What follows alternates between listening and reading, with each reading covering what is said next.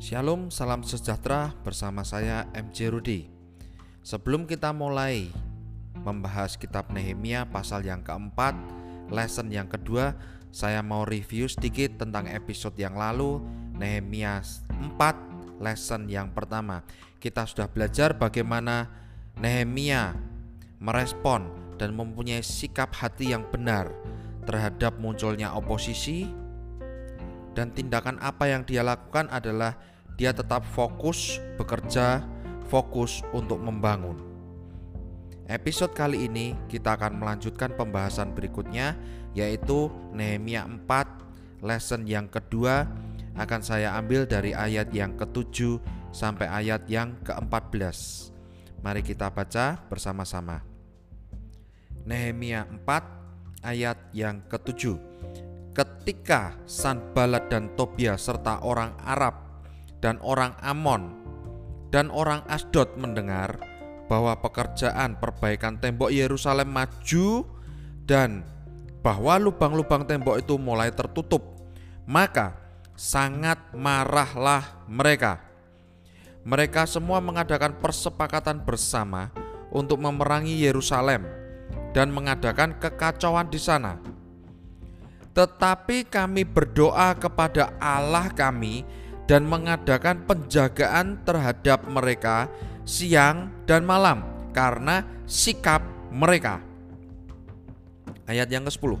Berkatalah orang Yehuda, kekuatan para pengangkat sudah merosot dan puing masih sangat banyak.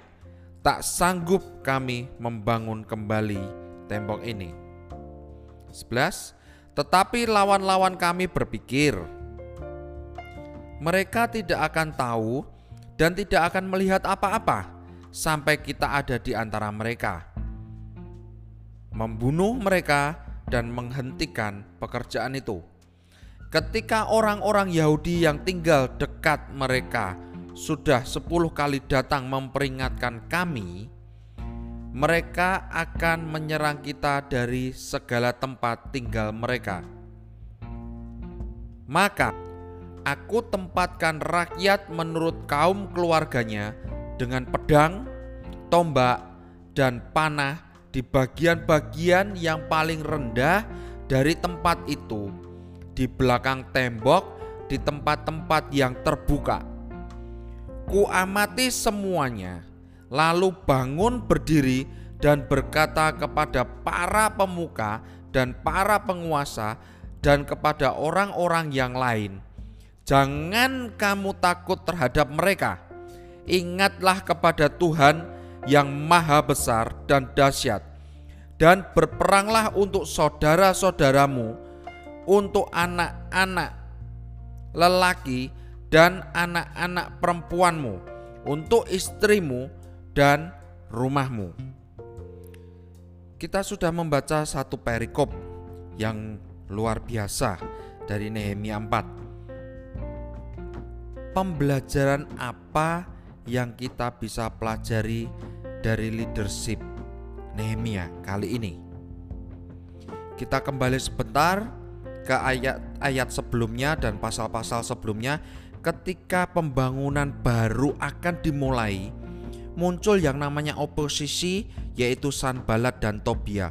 Mereka mengejek, mereka mengolok-olok. Kalau kita bahasakan sekarang, mereka membuli Bahkan mereka menganggap orang-orang Yehuda itu orang yang tercela, tidak mempunyai kemampuan. What is your skill? Eh, kalau kalaupun kalian membangun dan jadi kalaupun tembok kalian jadi dan seekor anjing hutan meloncat dan menyentuhnya, robohlah tembok batu yang kalian bangun. Dalam arti mereka sangat merendahkan dan mereka sangat meremehkan. Tapi apa yang kita lihat ketika pembangunan terus dilakukan, ketika Nehemia dan orang-orangnya fokus untuk tetap membangun, fokus apa yang mereka kerjakan, fokus akan misi, fokus akan visi yang Tuhan telah tetapkan.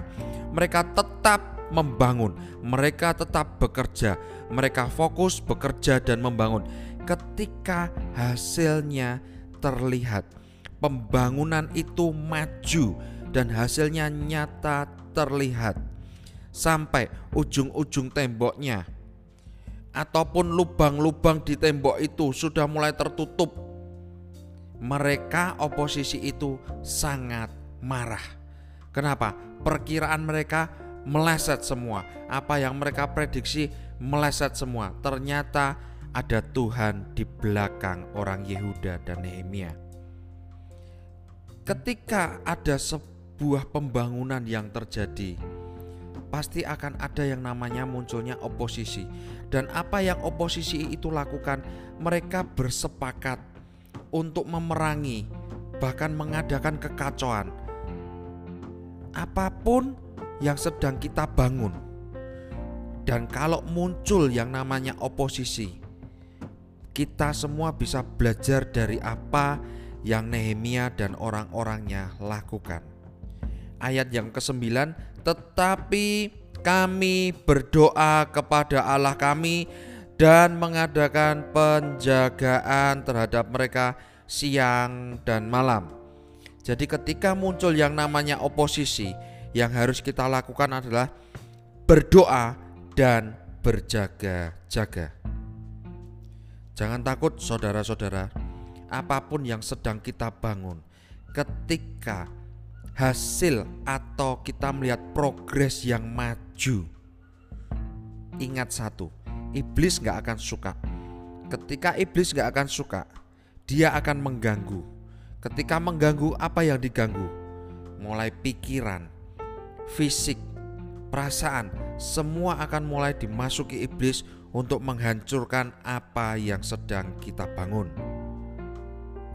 Ketika ayat 10 dikatakan berkatalah orang Yehuda, kekuatan para pengangkat sudah merosot dan puing masih sangat banyak tak sanggup kami membangun kembali tembok ini.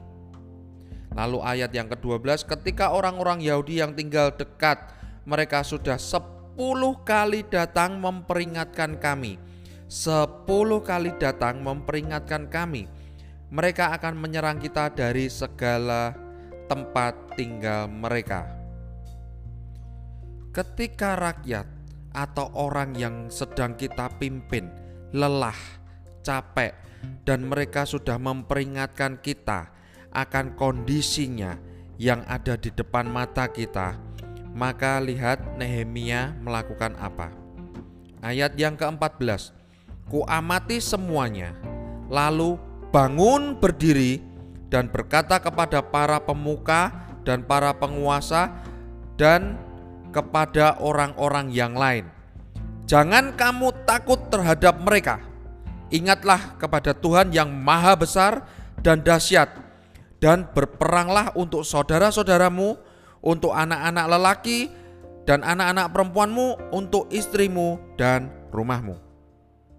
Ketika orang yang kita pimpin sedang capek, letih, atau lelah, dan bukan hanya satu, tetapi banyak dari mereka mengalami hal yang serupa dan mereka datang untuk memperingatkan kita. Apa yang kita pemimpin harus lakukan adalah kita mengamati semuanya lalu bangkit. Ingat, yang harus kita lakukan adalah kita bangkit dan kita menguatkan mereka, ingatkan kembali, pertahankan apa yang sudah dimulai, apa yang sudah dibangun, dan apa yang sedang dikerjakan maka kita akan mengingatkan mereka, "Yuk, kita berjuang bukan untuk kita sendiri, tetapi kita berjuang untuk kepentingan banyak orang." Maka dikatakan, "Jangan kamu takut terhadap mereka. Ingatlah kepada Tuhan yang Maha Besar dan dahsyat, dan garis bawah, berperanglah untuk saudara-saudaramu." dan untuk anak-anak lelaki dan anak-anak perempuanmu dan untuk istrimu dan rumahmu. Kita berperang bukan untuk diri kita sendiri. Kita membangun bukan untuk diri kita sendiri. Jangan lelah, jangan letih, karena kita mempunyai Tuhan yang besar dan Tuhan yang dahsyat yang akan membantu kita semua.